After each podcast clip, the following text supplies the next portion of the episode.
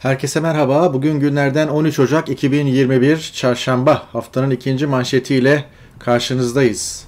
Pandemi, kriz ve seçim başlıklı bir e, yayın olacak. Bu yine 20-25 dakikada tamamlamayı hedefliyoruz. Pazartesi öyle dedim ama 30 dakikayı buldu. 20-25 dakikada bitirmeyi hedefliyorum. Yavaş yavaş e, bu hedefi tutturacağım. Şimdi efendim Türkiye'nin gündeminde en ağırlıklı açık ara konu aşı aşılama. Esasen bu dünyanın gündeminde. Yani Türkiye gündemiyle dünya gündemi nadiren de olsa buluşuyor aşı aşılama konusunda. Fakat bir farkla Batı dünyasında e, iki ya da üç farklı aşı uygulanırken herkes sıranın kendisine gelmesini bekliyor. İşte efendim bir yandan da pandemi mutasyonla falan yürürken acaba iş nereye gidecek e, filan diye bir merak, endişe de var.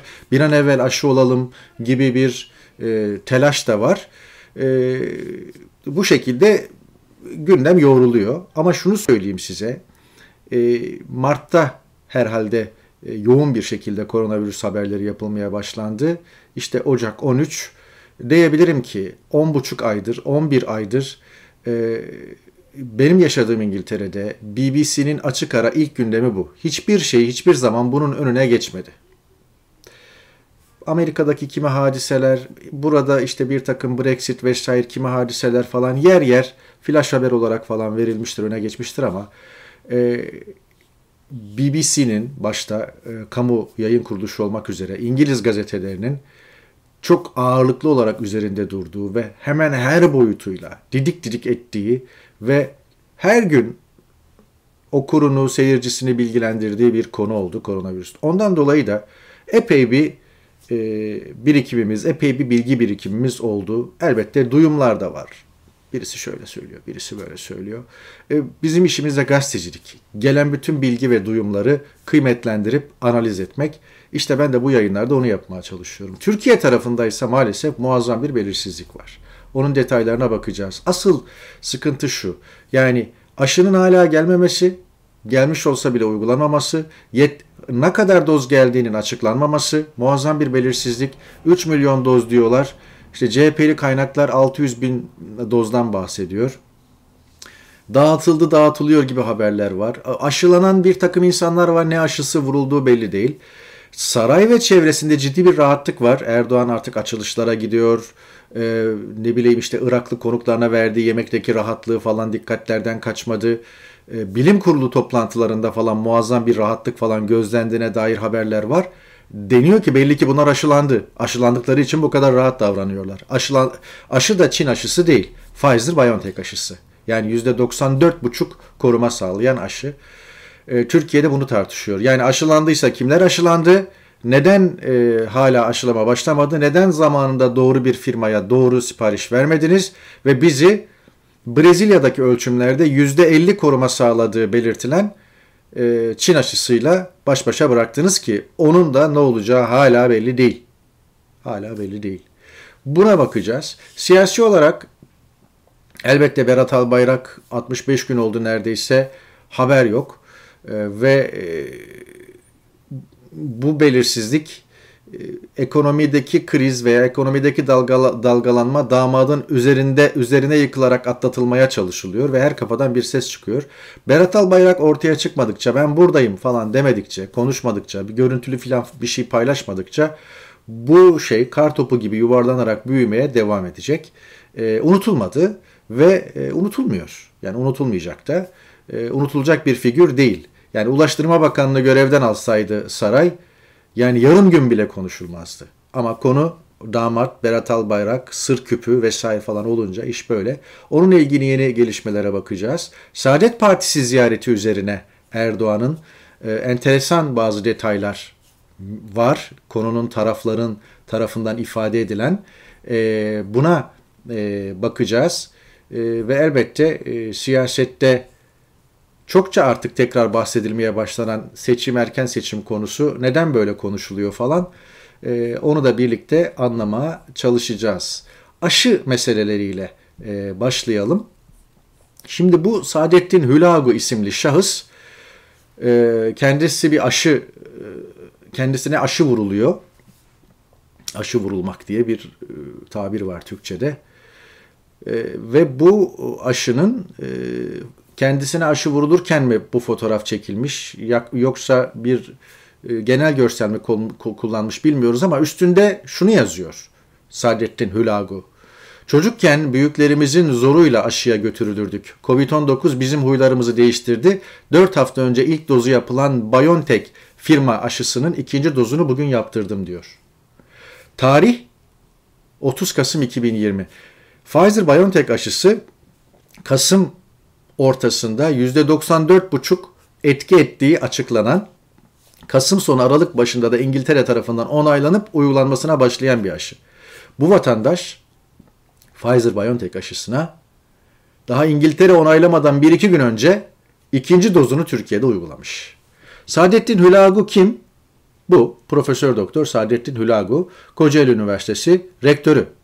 Ayrıcalıklı kesimden de Türkiye'de 209 rektör olduğu düşünülürse rektörlerde ayrıcalıklı bir kitle içerisinde değerlendiriliyor. Bu tweet'i alıntılayan Savaş Genç diyor ki şu tabloyu kabul edip içine sindiren seçmen en ağır hakaretleri hak ediyor. Kardeşim aşıyı bulan ülke Almanya'da Merkel ve kabine üyeleri bile yaş ve risk sıralarını bekliyor. Seçkin saray yandaşlarının senden önce ve BioNTech aşısıyla aşılanmasını kabul etmek ahmaklıktır diyor. İngiltere Kraliçesi Pfizer-BioNTech aşısı Kasım sonu Aralık başında İngiltere'de onaylanarak uygulanmaya başlandı. İngiltere Kraliçesi'nin aşılandığı bundan 4-5 gün önce cumartesi günü açıklandı. İngiltere Kraliçesi ve eşi de aşılandı diye. 90 küsur yaşında insanlar bunlar. Ancak İngiltere kraliçesi ve eşi sıralamada ikinci sıradaydı. İlk sırada çünkü bakım evlerinde kalanlar ve onlarına bak onlara bakan sağlık görevlileri vardı. Öncelikle onlar bitirilecekti. Ardından da İngiliz kral kraliçesi ve eşine geçildi. Ve İngiltere'de bir sıralama yapıldı. Size söyleyeyim yani bana o sıra gelmiyor. Yani 7-8 kademeli bir sıra var. Prens Charles 70 küsür yaşında 4. sırada aşı olacak. İngiltere şu anda e, günde 200 bin kişiyi e, aşılıyor. E, fakat bu rakamı artırarak e, aşılama işini özellikle risk gruplarında Mart-Nisan ayına kadar bitirmeyi hedefliyor. Bir bilgi daha, İngiltere'de şu ana kadar e, yaklaşık 2 milyon insan aşılandı. Bir bilgi daha, İngiltere'de 2 milyon insan aşılandı ama e, bu aşılanan 2 milyon insan 85 yaş üstünün yaklaşık belki yarısı. Çünkü İngiltere'de 85 yaş ve üstü 3,5 milyon insan yaşıyor. Dediğim gibi Oxford AstraZeneca aşısı da eklendi, Moderna aşısı da eklendi ve İngiltere 3 aşıyı onayladı ve topyekun bir aşı seferberliğiyle bunu yapmaya çalışıyor ve hala aşılanan insan sayısı 2 milyon. Türkiye ise ne diyor? Günde 1 milyon kişi aşılayacağız. Bir kere öyle bir aşı yok. İki, bunu yapma kapasiteniz de yok. Bu işler o kadar kolay değil. Ayrıca belirtelim ilk 5'te İngiltere. Açık ara ilk sırada İsrail var nüfusunun %1, %21'ini aşılamış. İngiltere'de 3. ve 4. sırada e, aşılama kampanyasında. Bu işler o kadar kolay da değil. Bakın Gülbağ Bahçıvan doktor paylaşmış. 11 Ocak 2021 tarihi itibariyle 340 sağlık çalışanını Covid nedeniyle kaybettiğimiz ülkemizde Alişan denen kişinin aşı olmasına duyduğum öfkeyi anlatmama kelimeler yetmiyor. Dalga geçiyorlar insanla, insanlarla. Ve mühim bir not. Serdar Savaş paylaşmış doktor. Bilim kurulu toplantısının görüntülü kayıtlarında çok kalabalık bir odada bakan ve herkesin maskesiz burun buruna muhabbet ettiğini görüyoruz. Korkmuyorlar mı? Hayır. Neden? Çünkü Biontech aşısı oldular. Ya millet, milletin neresine ne yapılacağını müteahhitler bilir demiş. O arada Ertuğrul Özkök kraliçe hangi aşıyı yaptırdı bilen var mı diye köşesinde bugün yazmış. Kraliçenin 45 gün sonra aşı olduğunu ve kraliçenin aşı olduğu bilgisinin kamuoyuyla paylaşıldığını atlıyor. Saraya sorsana. Behey Ertuğrul Özköşk. Eski lakabı oydu Özköşk'tü. Turgut Özal'a hayranlığından dolayı. Saraya sorsana. Aşı oldunuz mu? Böyle böyle laflar dolaşıyor. Ayrola falan. İngiltere kraliçesinin hangi aşıyı olduğunu soracağına. Elbette İngiltere kraliçesinin hangi aşıyı olduğu saklandı. Söylenmedi. Bilmiyoruz. Oxford AstraZeneca mı, BioNTech mi bilmiyoruz. Aşı olduğu bilgisi paylaşıldı. Cumartesi günü kraliyet bir, bir takım bilgileri paylaşır, bir takım bilgileri paylaşılmaz. Neticede Prens William'ın yani 3 numaralı e, tahtın varisi e, William'ın e, Nisan ayında korona olduğu yazılıp çizildi. Bu konuda da bir doğrulama veya yalanlama gelmedi. Olabilir. Fakat en azından kraliçenin aşı olduğunu biliyoruz 45 gün sonra. Sen kendi ülkende sorsana bunları. Türkiye'nin satın aldığı koronavak aşısının Brezilya'daki testlere göre etkinlik oranı %50.4. Yani aşıyı vurulan her 100 kişiden 50'si korunurken 50'si hastalanıyor. Daha nasıl anlatayım? İllere dağıtım başlamış bu arada. Çorum, Sivas, Akşam Gazetesi'nden bu görüntü. İşte aşı sıralaması diyor bugün Hürriyet manşette. Allah Allah aşı yok, aşılama yok. Doktorlar bekliyor. Aşı odaları vatandaşları bekliyor diyor. İşte bu odalarda yapılacak. Görüyor musunuz? Taşıma çantası, buzdolabı. Nasıl uyutuyorlar milleti? Nasıl oyalıyorlar? Guardian'a göre İngiltere hükümeti koronavirüs pasaportu için teknoloji firmalarıyla konuşuyor, görüşüyor. Bu ne biliyor musunuz? Bu BBC Türkçe'de var haberi detaylı okuyabilirsiniz. Bu şu. İngiltere aşı yaptığı insanlara bir sertifika veriyor. Bir yere kaydediyor ve diyor bunu diyor yanınızda bulundurun, bunu taşıyın, bunu unutmayın neyse. Dolayısıyla İngiltere e, bir tür aşı pasaportu gelişiyor. Aşı kimliği gelişiyor. Bir şekilde insanlar aşılanıp aşılanmaması, antikor üretip üretmemesine göre belgeleniyor. Ve bunu seyahatlerinde kullanacaklar, sorulduğunda kullanacaklar, bir yere girip çıkarken kullanacaklar vesaire. Şimdi sıkı durun. İngiltere artık kendi ülkesine kendi onayladığı aşıları uygulamayan kimseyi sokmayacak. Yani Pfizer-BioNTech veya Oxford AstraZeneca veya Moderna aşılarından birini olmamışsanız, bu yönde bir sertifikanız, bu yönde bir belgeniz yoksa İngiltere'ye giremeyeceksiniz. Aşı pasaportu o. İstanbul'da 15 Ocak'tan itibaren 65 yaş üstü ve 20 yaş altındakilerin toplu taşım kullanması yasaklandı. Bir alternatif sunmadan ulaşımı yasaklamak hak ihlali doğru. Fakat 15 Ocak'tan sonra bu katı yasak 65 yaş üstü ve 20 yaş altı artık toplu taşımda yoklar. Katı yasağının nedeni ne biliyor musunuz? Türkiye'ye mutasyon yaklaşıyor. Türkiye'ye büyük bir dalga yaklaşıyor. Türkiye'ye insanları bugüne kadar olmadığı biçimde kıracak. Vaka sayılarını Allah gecinden versin ölüm sayılarını artıracak bir fırtına, bir tsunami yaklaşıyor demektir. Yetkililer de bunun farkında demektir ama gerçekleri ifade etmiyorlar demektir. Perşembe cuma aşılamaya başlayacağız telaşının bir nedeni de bu. Perşembe cuma ortalığı virüs, salgın götürebilir. Efendim az miktarda aşıyı dağıtmak için en adaletli yolu bulduk. Çekilişte TC kimlik nosu çıkan hemen gidip aşısını oluyor. Karikatür konusu artık yani. 600 bin doz aşıdan bahsediliyor mevcut. 300 bin kişiye uygulasanız kaç kişiye ne biçimde göstermelik aşı kampanyası. Ve emin olun Türkiye'den izleyenler aylarca bekleyeceksiniz. Hoş sen beklemiyor musun? Biz de bekliyoruz. Ayrı bir konu. Önlemimizi alıyoruz. Evimizde oturuyoruz yani ağırlıklı olarak. Ama Türkiye için ne yaza ne sonbahara dair bir umut ışığı yok. Yani göremiyoruz. Yani Türkiye'nin 2-3 temel sorunu var. Hiçbir zaman aşı temin planı olmadı. Şu anda da yok. Erken harekete geçmediği gibi ortasında da harekete geçmedi, şu anda da harekete geçmiş değil. Kaldı ki hani başkanlık sistemiydi? Hani kararlar hızlı alınıyordu? Verirdin tak diye emir, şak diye bütçeden çıkartırdın, sağa sola dağıtmasını biliyorsunuz. 3-4 aşıya yazdırırdın ismini. Kasım ayından itibaren de uygulardın. Olmadı. Hala da yok. Geciktiği gibi yapılacak sözleşmeler, anlaşmalar hala yapılacağına dair bir işaret yok. Sözleşme yaptık diyorlar, yalan söylüyorlar. Yok böyle bir sözleşme. Yeni aşıya vurgu yap ya yerli aşıya özür dilerim vurgu yapıyorlar. Yerli yani tamamen bir oda üfürme. Mart, Nisan yerli aşı çıkacak halledeceğiz. Kasaptaki ete soğan doğuruyorlar.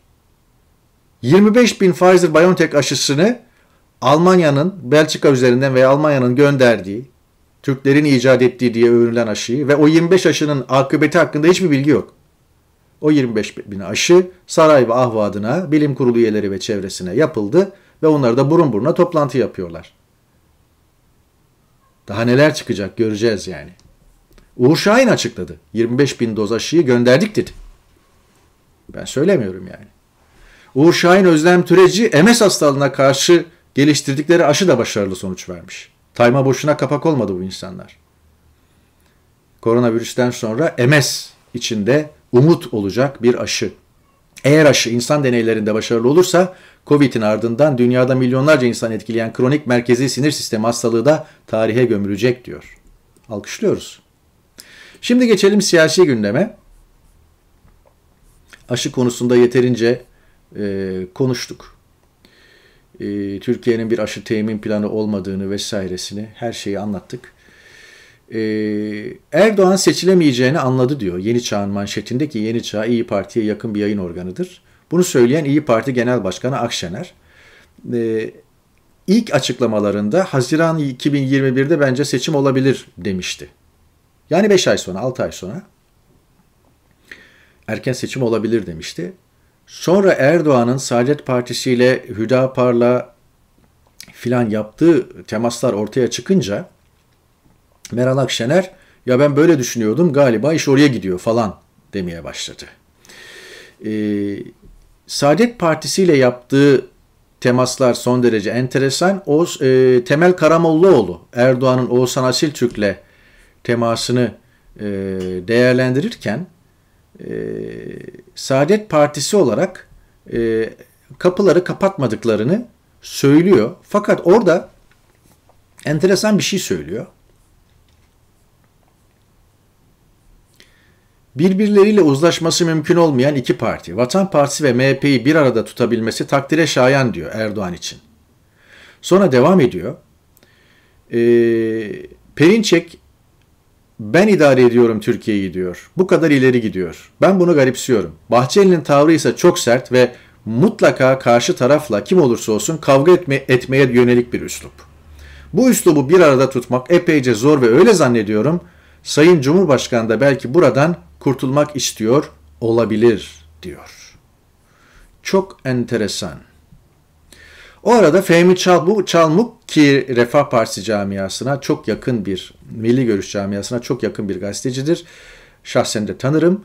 Ee, Oğuzhan Asiltürk Erdoğan görüşmesine ilişkin Hürses'te enteresan detaylar e, yazmış e, ve şu konuların konuşulduğunu söylüyor. Yani Cumhur İttifakı yanlış görüntü veriyor. Biraz evvel Temel Karamollaoğlu'nun söylediği Cumhur İttifakı nasıl bir görüntü veriyor? Perinçek, Bahçeli e, hükümet MHP politikalarına politikalarının ağırlıklı olduğu görüntü veriyor. Bu AK Parti'ye zarar veriyor.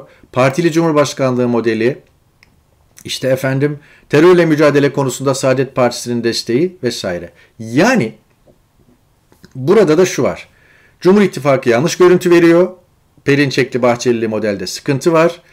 E, partili Cumhurbaşkanlığı modelinde sıkıntı var. E, ama biz oturur sizinle bir takım şeyler varsa değerlendirebiliriz. Fehmi Çamlık e, Ağustos ayında yazdığı bir yazıda da Oğuzhan Asil Türk Erdoğan ilişkisini e, kaleme almış ve Oğuzhan Asil Türk'ün Ayasofya ibadeti açıldıktan sonra Erdoğan arayıp teşekkür ettiğini, ilişkilerin yumuşamaya başladığını falan söylemiş ve şu analizi yapmış. Ağustos. Oğuzhan Asiltürk Saadet Partisi'nin her halükarda mecliste grup kurmasını istiyor. 2018 seçimlerinde AK Parti ile yaptıkları koalisyon görüşmelerinin bu şekilde neticelendirilmesini istiyordu. Saadet Partisi 2018'de AKP ile ittifak görüşmesi yapıyor ve bana diyor mecliste grup ver 20 kişi istiyorum. Ancak olmadı diyor. Siyasi olarak konuşulanların başında MHP'nin Saadet Partisi ittifakına sıcak bakmadı şeklinde Zaten Oğuzhan Bey'in bir dönemdir hükümetin sürdürdüğü aşırı güvenlikçi politikaların AK Parti'ye zarar verdiğini belirtiyor. MHP'ye yönelik endişelerini MHP sizi bitirecek diyerek dile getiriyor. Aşırı güvenlikçi politikaları MHP yüzünden olduğunu e, söylüyor e, Oğuzhan Asil Türk e, Tayyip Erdoğan'a. Bu diyor MHP diyor sizi aşırı güvenlikçi politikalara diyor yıktı. Dolayısıyla yani gelecek Saadet Partisi ile ittifakta ve MHP sizi bitirecek diyor. Erdoğan'a. Ağustos ayında ve o görüşmelerin ardından o buluşmaların, o telefonlaşmaların ardından Ocak ayında bu görüşme geliyor. Bir diğer e, mühim konu e, Furkan Kamalak. Furkan Kamalak avukat, o da babası gibi hukukçu. Kamalak soyadından belki çağrışım yapmıştır. Saadet Partisi'nin eski genel başkanı e, Mustafa Kamalak'ın oğlu ve İyi Parti'de siyaset yapıyor. Mustafa Kamalak'ın oğlu Furkan Kamalak İyi Parti'de siyaset yapıyor. Burada da 6 Ocak'ta Meral Akşener'le yaptığı görüşmenin videosunu paylaşmış. Meral Akşener 6 Ocak'ta Mustafa Kamalak'ın oğlu Furkan Kamalak'la görüşüyor. Samimiyetin timsali genel başkanım bizi çok mutlu ettiniz. İyi ki varsınız, iyi ki geldiniz diyor. Evet. Kamalak Hukuk Bürosu arkada da görüyorsunuz. Bakın Kamalak Hukuk Bürosu yazıyor sol tarafta. Dikkat edin. 6 Ocak'ta Meral Akşener Kamalak Hukuk Bürosu'nu ziyaret ediyor.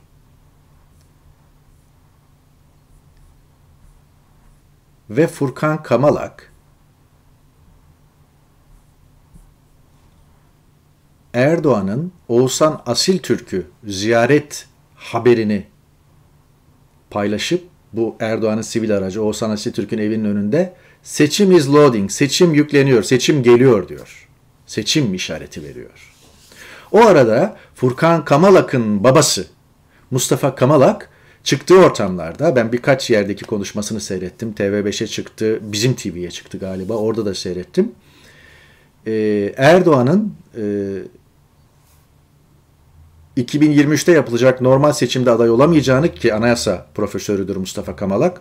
2023'te yapılacak normal seçimde aday olamayacağını, e, bir erken seçimde ancak aday olabileceğini söylüyor. Fakat Saadet Partisi'nin Cumhur İttifakı'na girmesine taş koyuyor. Taş koyarken de şunu söylüyor. Erdoğan'ın vebaline, e, günahına ortak olmamalıyız. Erdoğan'ın vebaline, günahına ortak olmamalıyız e, lafı da Necmettin Erbakan'ın lafı. Evet. Bu da böyle bir şeydi. Bir buçuk yıldır faaliyette olan tesisimizin açılışını yapmak bugüne nasip oldu. Ee, yakında Galata Kulesi'ni, Kız Kulesi'ni filan da yapar, açılışını yaparsınız diyor. Ee, Sefer Selvi karikatürü evrenselde. Evet. Böyle yani hiç değişmedi bu. Ee, yeni Çağda basın işlerine bakan Murat İde, e, Ümit Özdağ'ın partiden ihracını engelleyen mahkeme kararı üzerine hocam gönül koydum size birkaç dakika içinde CNN'e CNN Türkiye canlı yayın yaptırabilecek imkanlarınızdan bu kardeşinize de destek çıksaydınız ya CNN Türkiye iki satır haber sokamadık aylarca diyor. Öyle CNN Türk İyi Parti'yi bölmeye çalışıyor ve fırsat e, Ümit Özdağ telefonu kaldırdığında CNN yayınına çıkıyor. Bu işler böyle. Şimdi Berat nerede meselesiyle devam edelim. Başta anons etmiştim. Berat nerede meselesi Fatih Altaylı Berat Albayrak'ın İstanbul'da olduğunu, bir yalı tuttuğunu işleri için ilk günlerde Katar'a gidip geldiğini filan yazmıştı. Ee, bunun üzerine Melih Altınok birkaç gün önce sabahta kaleme aldığı yazıda buradaki bilgileri adeta yalanladı ve e, şöyle bir satır paylaştı ki Melih Altınok pelikan unsurlarından biridir. Berat Albayrak ne yurt dışına çıktı, ne boğaz sırtlarında ofis arıyor, ne de bir yere danışmanlık yapıyor. Evinde, işinde, gücünde, kendi hayatına devam ediyor. Evet. Pelikan tarafından ısmarlanan satırları okudum size. O arada Hidayet Türkoğlu'nun istifası, istifa etmemesi, görevde kalması falan ayrı bir konu. Parasını getir, getir, getirmesi istenmiş de reddetmiş de işte efendim şöyle böyle. Oralarda değilim. O iddialarda değilim. Hidayet Türkoğlu iddiaları yalanlarken attığı tweetlerde ne reisi cumhurumuza teşekkür etti ne de bağlılıklarını bildirdi. O dikkatimi çekti. Tweette göremiyorsunuz.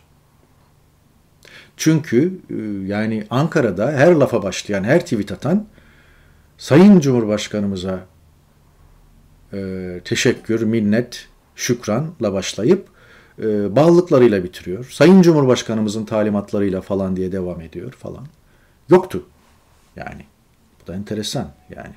Hem saray e, ahalisinden olup hem de böyle mühim bir kuralı atlamak. Türkiye'nin hali basın ilan kurumu evrensele 3 günlük ilan kesme cezası. Sebebi de ifade vermeye giden gazetecilerin haberini yaparken propaganda bakanı Fahrettin Altun'un adını geçirmişler efendim. Fahrettin Altun'u üzdüğünüz için basın ilan kurumu da size böyle bir ceza öngörüyor. Ülkenin hali pürmelali helikopterden atılan aylardır tedavi gören Osman Şiban gözaltına alındı. Niye işkencede ölmedin gözaltısı? Çok doğru bir başlık yeni yaşamdan getirdik. Bir diğer dram ki ben bundan gerçekten çok etkilendim. Kronos'ta haberini okuyabilirsiniz. Eşi 4,5 yıldır tutuklu olan, 3 yıl önce 14 yaşında oğlunu kanser nedeniyle kaybeden KHK'lı öğretmen Fatma Görmez hayatını kaybetti. İki kez kalp bir kez de böbrek ameliyatı olan Görmez 29 kiloya kadar düşmüştü diyor. Onun üzerine şu notu düşmüş Kerim Has. Türkiye bir soykırımlar ülkesidir. Türkiye tarihi de süre gelen soykırımlar tarihi. Lafı eğip bükmenin anlamı yok. Soykırım soykırımdır. İktidar kadar muhalefet ve geniş toplum kesimleri de bu suça ortaktır. En acısıysa eli kalem tutanların vesaire bu suça ortaklığı demiş. Kuraklıkta acil durum TR724'ün manşeti biraz yağmur yağmış İstanbul'a falan. Vali falan bile tweet atmış sevinçten havalara uçmuş. Ee, ama e, en az pandemi kadar, ekonomik kriz kadar kurak, kuraklıkta çok büyük bir risk. Türkiye kuraklık haritasını görüyor musunuz? Hatırlatalım Ziraat Bankası Türksel hisseleri için Virgin Adalarına 1.6 milyar dolar gönderdi. Para geri dönmedi. Ziraat Bankası Genel Müdürü aynı zamanda Türksel Yönetim Kurulu üyesi çıktı. Aynı zamanda Varlık Fonu Yönetim Kurulu'nda filan. O arada bir haber daha bir günden getirelim. Bakanlık Jersey'de enerji arıyor. Enerji Bakanlığı Strateji Geliştirme Başkanlığı yurt dışında bakanlıkla ilgili 14 şirket olduğunu açıkladı. Aralarında vergi cenneti olarak anılan ülke ve adalar da var. Halka hizmet. Mağazalar bir bir kapanacak. Bu da Cumhuriyet'ten gelsin. Perakendede cirolar %60 düştü. Ufukta iflaslar görünüyor. Peki Türkiye televizyonları neyi tartışıyor? WhatsApp güvenli mi güvensiz mi? Akşam gazetesi enteresan bir başlık atmış. Onu özellikle getirdim. Yoksa bütün gazetelerde gene bu var. Zaten her şeyimizi biliyorlar demeyin diyor. yani sizin getirdiğiniz savunmaları bile çürütürüz biz. Geçin bipe. Geçin bak. Yani e, zaten e, yani bayağı bir ilerledik e, halkı baskılamakta, halkı bir noktaya getirmekte. Az kaldı. BİP'e de geçtiğinizde tam olacak diyor. Donunuza kadar af buyurun. Her şeyi bileceğiz. 28. dakikada bitiriyoruz efendim. Bir sonraki manşet Cuma günü haftanın 3. ve son manşeti buluşmak umuduyla hoşça kalın. Yarın Perşembe günü güne bakış Turan Görür Yılmaz'la aman kaçırmayın. Görüşmek üzere.